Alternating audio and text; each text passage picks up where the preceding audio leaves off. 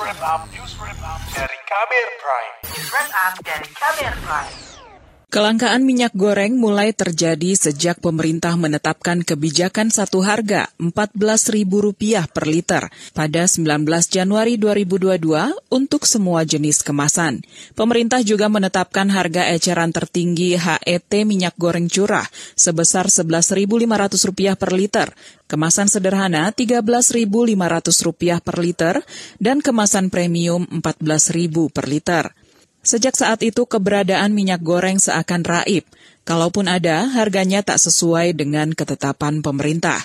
Kelangkaan minyak goreng ini diduga ada pelanggaran dalam distribusi minyak goreng dalam negeri. Menteri Perdagangan Muhammad Lutfi memastikan Kementerian Perdagangan bersama Satgas Pangan dan seluruh kementerian lembaga akan menindak tegas oknum yang menghambat pasokan dan distribusi dengan cara menimbun, memainkan harga, serta tindakan yang melawan hukum dan ketentuan lainnya kami sudah uh, koordinasi dengan melekat dengan uh, dengan Mabes Polri dan kami ingatkan kepada seluruh yang mengikuti tata tata niaga perdagangan uh, minyak goreng ini untuk mentaati. Sejauh ini tim Satgas Pangan Polri menemukan sejumlah pelanggaran dalam distribusi minyak goreng.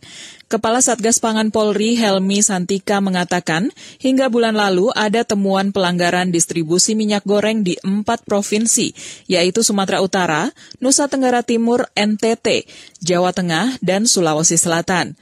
Setidaknya ada tiga modus pelanggaran distribusi minyak goreng yang saat ini sedang diproses Satgas Pangan ditemukan sejumlah stok di Sumatera Utara dan di NTT.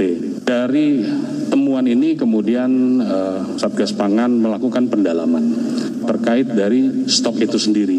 Berapa sih sebetulnya kapasitas produksi, berapa sih sebetulnya yang mereka jual dalam satu hari dan seterusnya.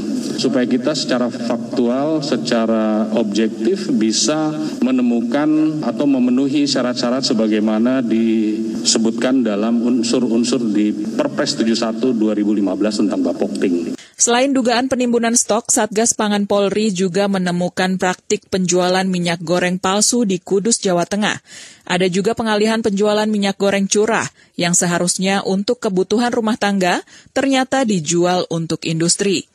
Tak hanya permasalahan harga yang menyebabkan kelangkaan, kebijakan kewajiban penyediaan bahan baku untuk kebutuhan dalam negeri atau DMO juga dinilai masih belum berjalan. Anggota Komisi Perdagangan DPR dari fraksi Partai Gerindra, Andre Rosiade, mengatakan penyelesaian masalah minyak goreng yang masih langka di pasaran hanya perlu ketegasan dari pemerintah untuk mengimplementasikan kebijakan dengan ketat. Ia mengatakan perlu pengawasan dan penegakan hukum yang tegas bagi setiap pihak yang melakukan kecurangan.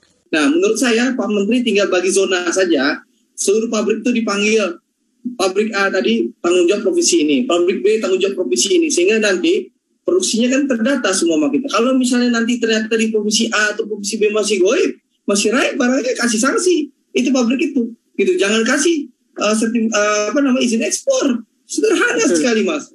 Andre menyebut penguasaan bisnis minyak goreng di Indonesia oleh kelompok kecil atau oligarki harus bisa diintervensi oleh pemerintah demi kepentingan rakyat banyak. Ya, ini soal ketegasan pemerintah, gitu loh. Soal leadership pemerintah, gitu. berpihak sama rakyat. Berani nggak sama pengusaha kelapa sawit? Berani nggak sama pengusaha minyak goreng? Karena kita tahu ini oligarki. Pengamat kebijakan publik Trubus Rahardiansyah menilai pemerintah sudah baik membuat berbagai kebijakan untuk menstabilkan harga minyak goreng. Namun kebijakan-kebijakan itu dianggap masih lemah dalam pelaksanaan di lapangan dan penegakan hukumnya.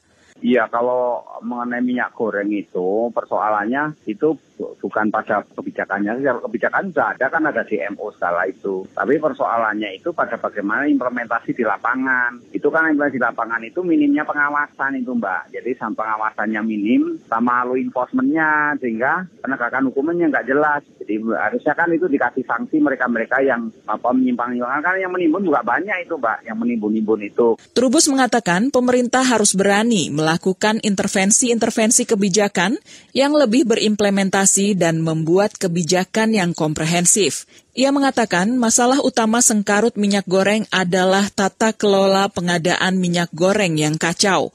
Ia meminta tata kelola diperbaiki dari hulu sampai hilir agar persoalan ini tidak berlarut-larut dan terus berulang. Demikian laporan khas KBR, saya Astri Yuwanasari.